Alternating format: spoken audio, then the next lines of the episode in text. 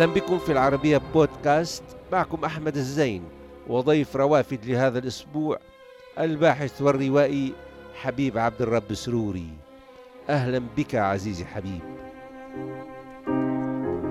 هذه المدينة هي روان عاصمة النورماندي مدينة التاريخ والجمال مدينة المئة برج كما توصف تتوسطها تلك الكاتدرائية المهيبة. تحفة معمارية قوطية ساحرة تم بناؤها في القرن الثاني عشر.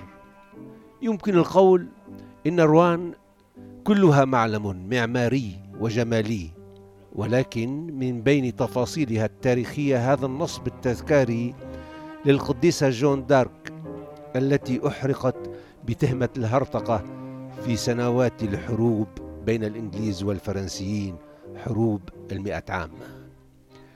روان هي مدينة الفن والمتاحف. فيها التقيت بحبيب عبد الرب سروري البروفيسور اليمني في علوم الكمبيوتر والخوارزميات صاحب تقرير الهدهد وطائر الخراب وابنة سوسلوف وحفيد سندباد.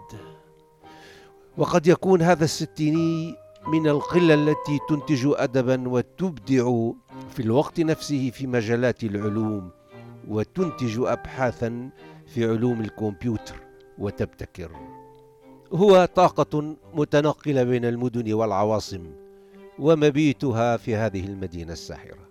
والجدير ذكره أن حبيب عبد الرب سروري جاء ترتيبه الأول منذ كان في الثلاثينات من عمره وكان يحمل شهادتي الدكتوراه في الرياضيات والكمبيوتر ليشرف على تدريس النخب المتفوقة في هذا المجال.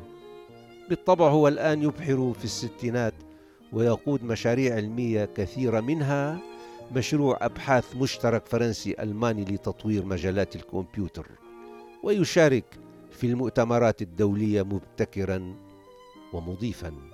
جميل أن يمنيا أو عربيا من هذه البلاد يساهم في إنتاج معرفة العصر. ولكن ونحن نتجول في أنحاء مدينته الثانية روان تحضر اليمن بكل جروحها وأحزانها. طبعا أنت تسكن في هذه المدينة الفرنسية وأظن أنه تسكن كالبلاد يعني حيث أتيت مثل أي شخص يعني. كيف تحضر هيك في بالك في ذهنك في نصك؟ بالنسبة لي العلاقة ب بالمكان الأول. بالمهد بالمهد تظل عميقة بنفس الدرجة يعني عميقة أي نظرة لأي شيء تذكرك بمنظر آخر في المهد ويمر التيار. ففي كل الأحوال يظل الدماغ مشغول يعني بالمقارنات بالتكامل وهذا أعتبره ثراء. يعني الواحد مع مع التغيير المنطقة والمكان تزداد فيها الهويات يكون هويات مختلفة. نعم. يعني متشابكة. ثراء. ثراء أدبي وثراء علمي نعم نعم. طبعا وثراء هذا إنساني وثراء إنساني كبير. وثقافي و... وثقافي. خاصة اللغات يعني خاصة اللغة خاصة اللغات. اللغة هي آه، تساهم بشكل أساسي في دمج الهويات مش في دمجها في تزاوجها. ذكرت شغلة مهمة كتير أنه عندما تشاهد مكان ما أو منظر ما آه، يذكرك بالمكان الذي أتيت منه. في حالة الإبداع يمكن يحصل مزج بين هذين المك... يصبح مكان ثالث بالفعل بالفعل يعني هو نعم. بالفعل هناك جسور دائمة بين كينونتين بين هويتين بين مكانين بين لغتين فيظل التفاعل دائم نعم. وهذه في رأيي إنه ال ال ال الهجرة أو ال- الوجود في مكان آخر يجب أن يكون يعني لحظة لحظة ثراء وتكامل مش لحظة تقوقع وانكفاء عن الذات صحيح. ويعني لحظة تفاعل مع الآخر مع الآخر ثقافته. يعني بالذات أنا شعاري دائما الدائم هو أنا الآخر. أنا الآخر عندما تكون تستخدم هذا الشعار باستمرار تتحول يبدأ تبدأ القوه الإنساني اولا الطابع الإنساني للحياة.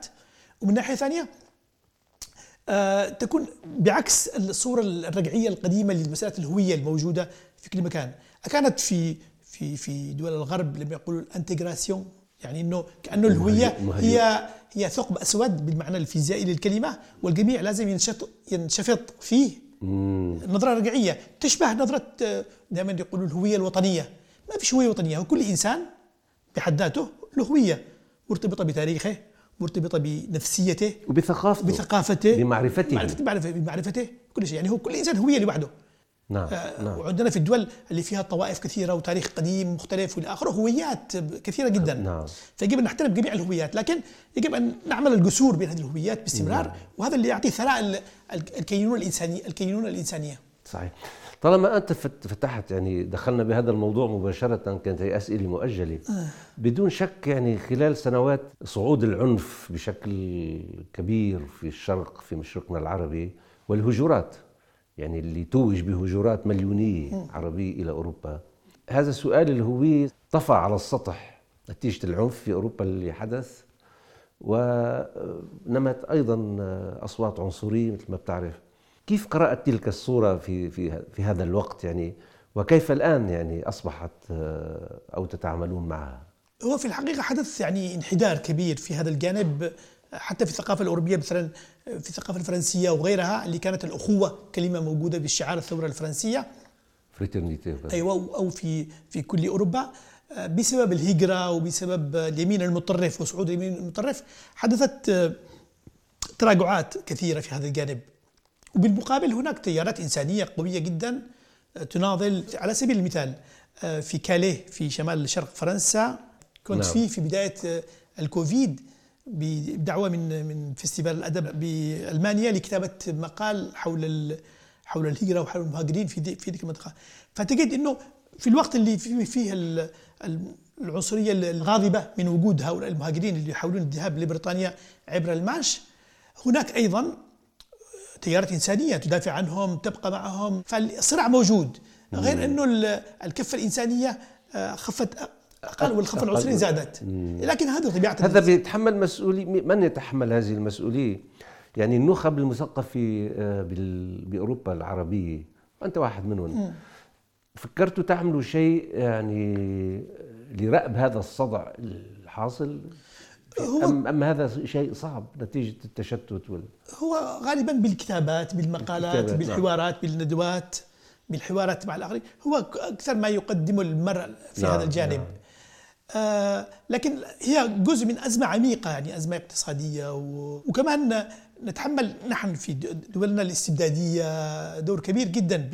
بمصدر هذه الإشكالية نعم نعم. فالموضوع الآن يعني ساخن كثير إلى آخره نعم نعم طبعا هؤلاء اللي هاجروا وهجروا لم يأتوا فقط ل جايين يعملوا فاكونس طبعاً. هي مثل ما بنذكر دائما بلاد طاردة لأهلها صحيح وهي وطاردة لك أيضا يعني طبعاً، أنت طبعاً. لو وجدت مكانك أيوة. في مكانك الأساسي ب- ي- ب- يستوعب شغلك بالضبط. وطموحاتك ما كنت ساكن بالتأكيد حروب كثيرة عاقتنا من العودة نعم للأسف بلاد طاردة لأهلها ولنخبها هي حال معظم هذه الجغرافيا التي تشهد حروبا وشتاتا ومآسي متصلة وكما يقول المفكر والمترجم علي محمد زيد تعيش اليمن حربا واحدة مديدة تتخللها أحيانا بعض الاستراحات ترى هل هذه البلاد مصابة بلعنة الحروب والموت؟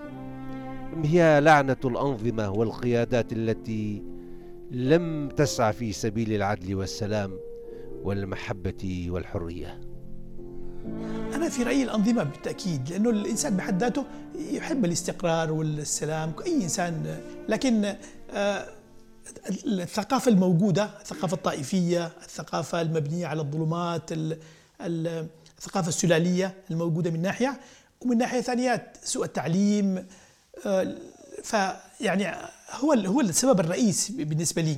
نعم. لكل النعرات القبلية والطائفية والى آخره. هو بالفعل مثل ما قال علي محمد زيد هو حقيقة مثل هناك رواية جميلة ليمني اسمه مروان الغفوري حول الحرب. تبدو فيها يعني اليمن وواقعنا بشكل عام حرب دائمة فيها استراحات أحيانا.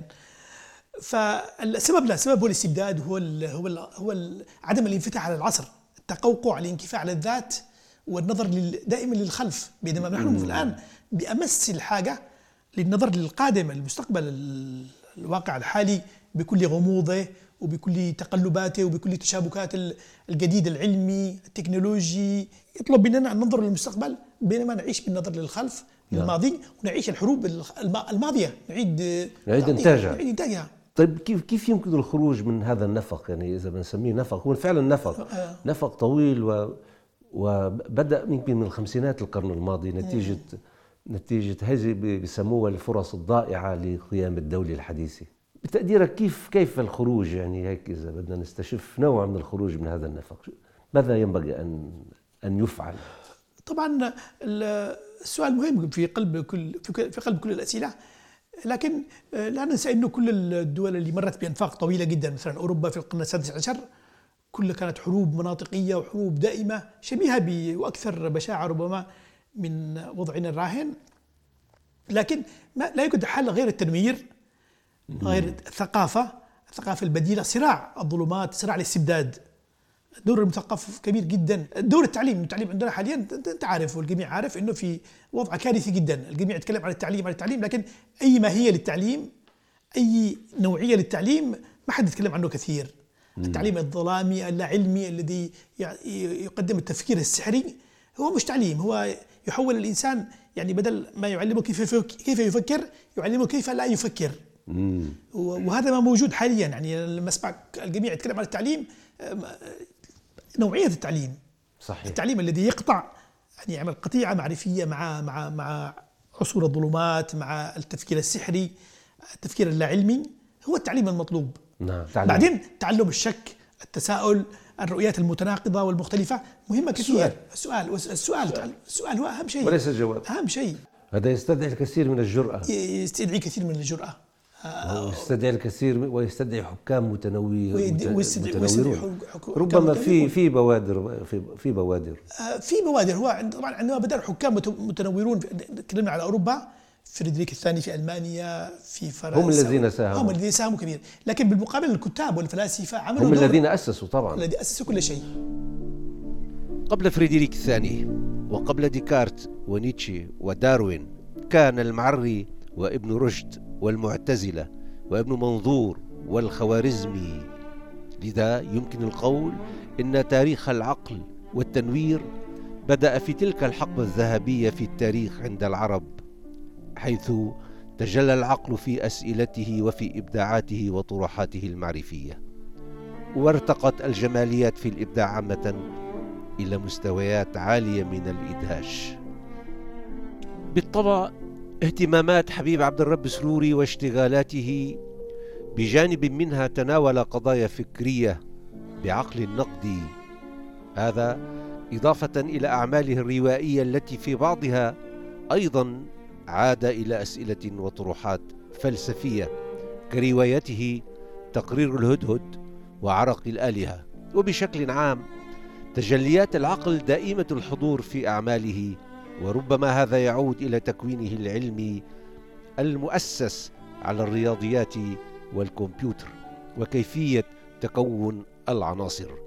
ولعل هذا أيضا جعله يذهب إلى الكتابات والأبحاث الفكرية وفي مقدمتها كتابه عن المعري لا إمام سوى العقل.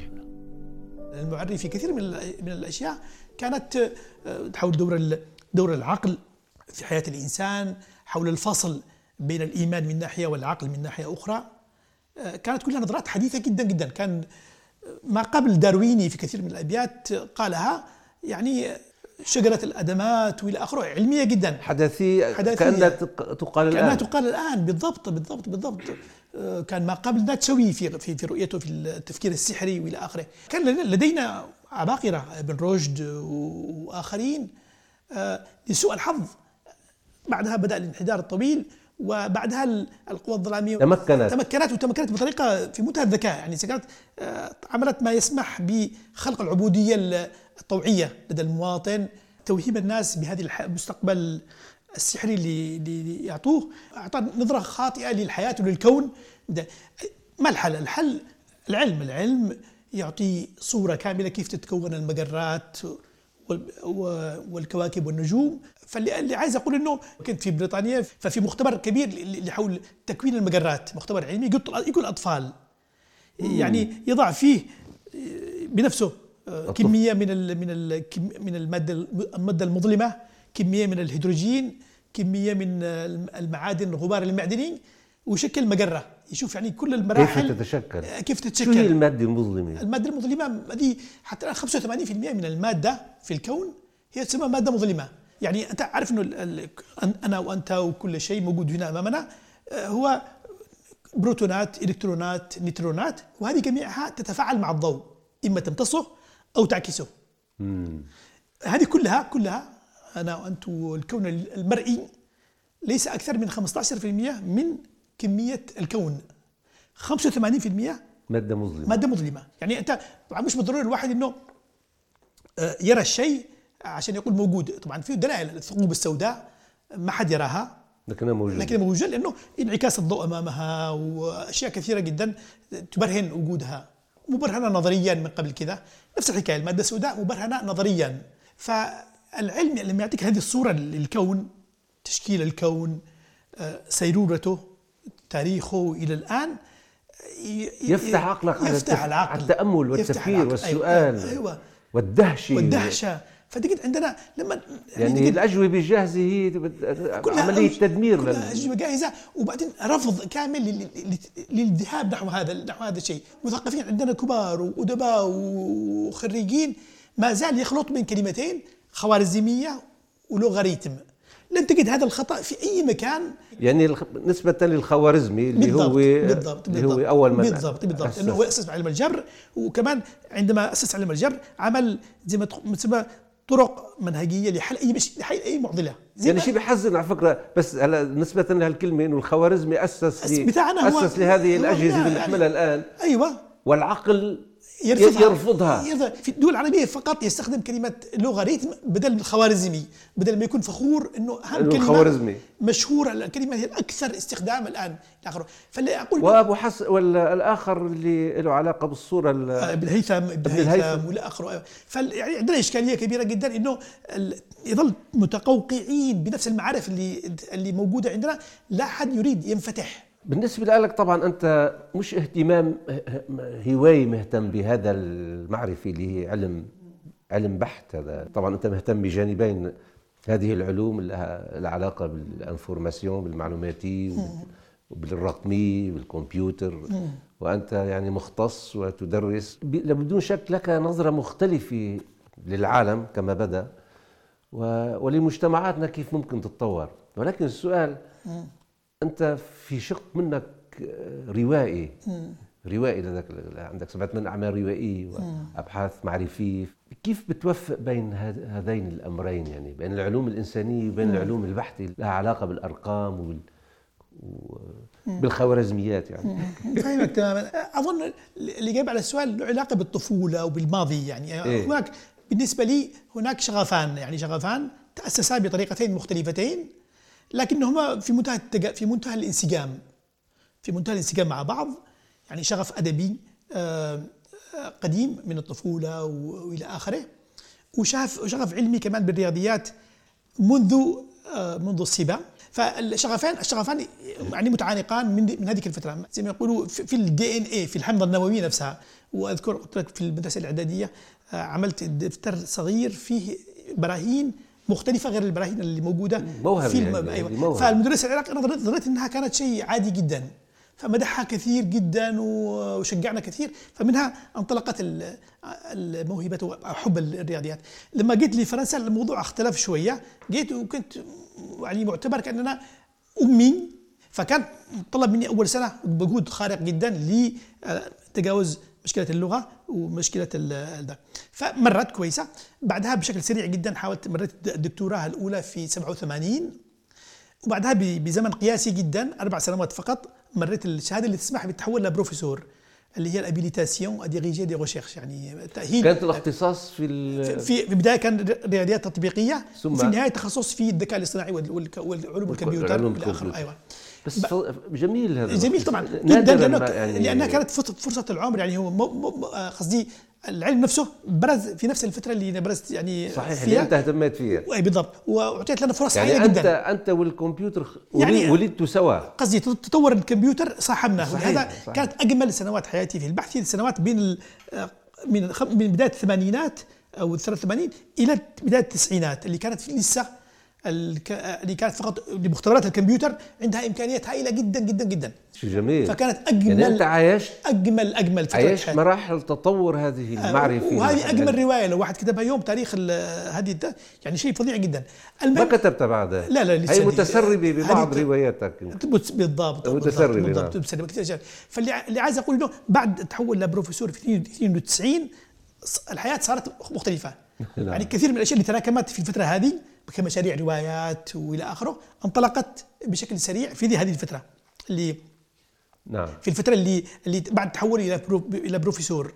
يعني جيت أمي بالرياضيات وتحولت عمري 36 سنة إلى بروفيسور. بعدها تغيرت كل الحياة يعني قصدي. بدأت أنظم حياتي عادت كل الشغف الأدبي والكتابة الأدبية. نعم. نعم. نعم. تقرير الهدهد دي رواية أخذت مني حوالي سنتين في دار الأداب. بطلها أبو العلاء المعري. هي أبو العلاء في المعري. أيوه في في يعني تتخلط فيها كثير من الأجناس الأدبية إنما الأهم في الموضوع أنها أخذت من رسالة الغفران رواية الغفران داخل رسالة الغفران كانت رحلة للسماء. هو أرسل ابن القارح للسماء. هنا نفس الحكاية نعم. بس بشكل يعني عكسي الأعلى جدا يطلب من أبو العلاء بالنزول لكتابه تقرير حول ال- حول أوضاع الأرض بكل الغموض اللي تكلمنا عليها قبل شوية والتعقيدات. جميل. مثلا هذه مثل هذه ابنة سوسلوف بالفرنسية وبالعرب وبالإنجليزية. ابنة سوسلوف. ابنة سوسلوف اللي هي هي هي رواية تدور حول الربيع العربي آه، بالذات في اليمن لكن بأشكال مشتركة تقريبا. هذه آخر رواية جزيرة المطففين رواية استباقية إلى حد ما. آه، هذه وحي الرواية اللي لا- لاقت جائزة كتارا ما قبل الأخيرة من رواياتي قبل جزيرة المطففين. هذه أخذت جائزة نعم. أيوة. هذه أول رواية كتبتها بالفرنسية. هذه اللي ترجمها؟ اللي ترجمها علي محمد زيد. آه موجود نصها الفرنسي فوق بالفرنسية بالأحمر هناك بس ما نزلتوش أيوه. بعدين. بعدها مباشرة كتبت آه، هذه الثلاثية دار الادب عملتها اسمها دملان مدينة تخيلية بس تشرح كثير من الأوضاع ال- في اليمن يعني في اليمن كثير. بالضبط أيوه. هذه وغيرها الكثير من الأعمال والأبحاث أنجزها حبيب عبد الرب سروري. ومن الواضح أن حبيب هو طاقة متجولة وجدت مساربها في هذه المنجزات الأدبية والبحثية والعلمية. ولعله من الجيل المحظوظ الذي تزامنت دراسته مع تطور ما يعرف بالذكاء الاصطناعي والمعلوماتية التي تخصص فيها وهذا ما انعكس في أعماله الروائية التي تسربت إليها هذه المعرفة. نتابع في حلقة قادمة سيرة حياته وتجربته العلمية والأدبية.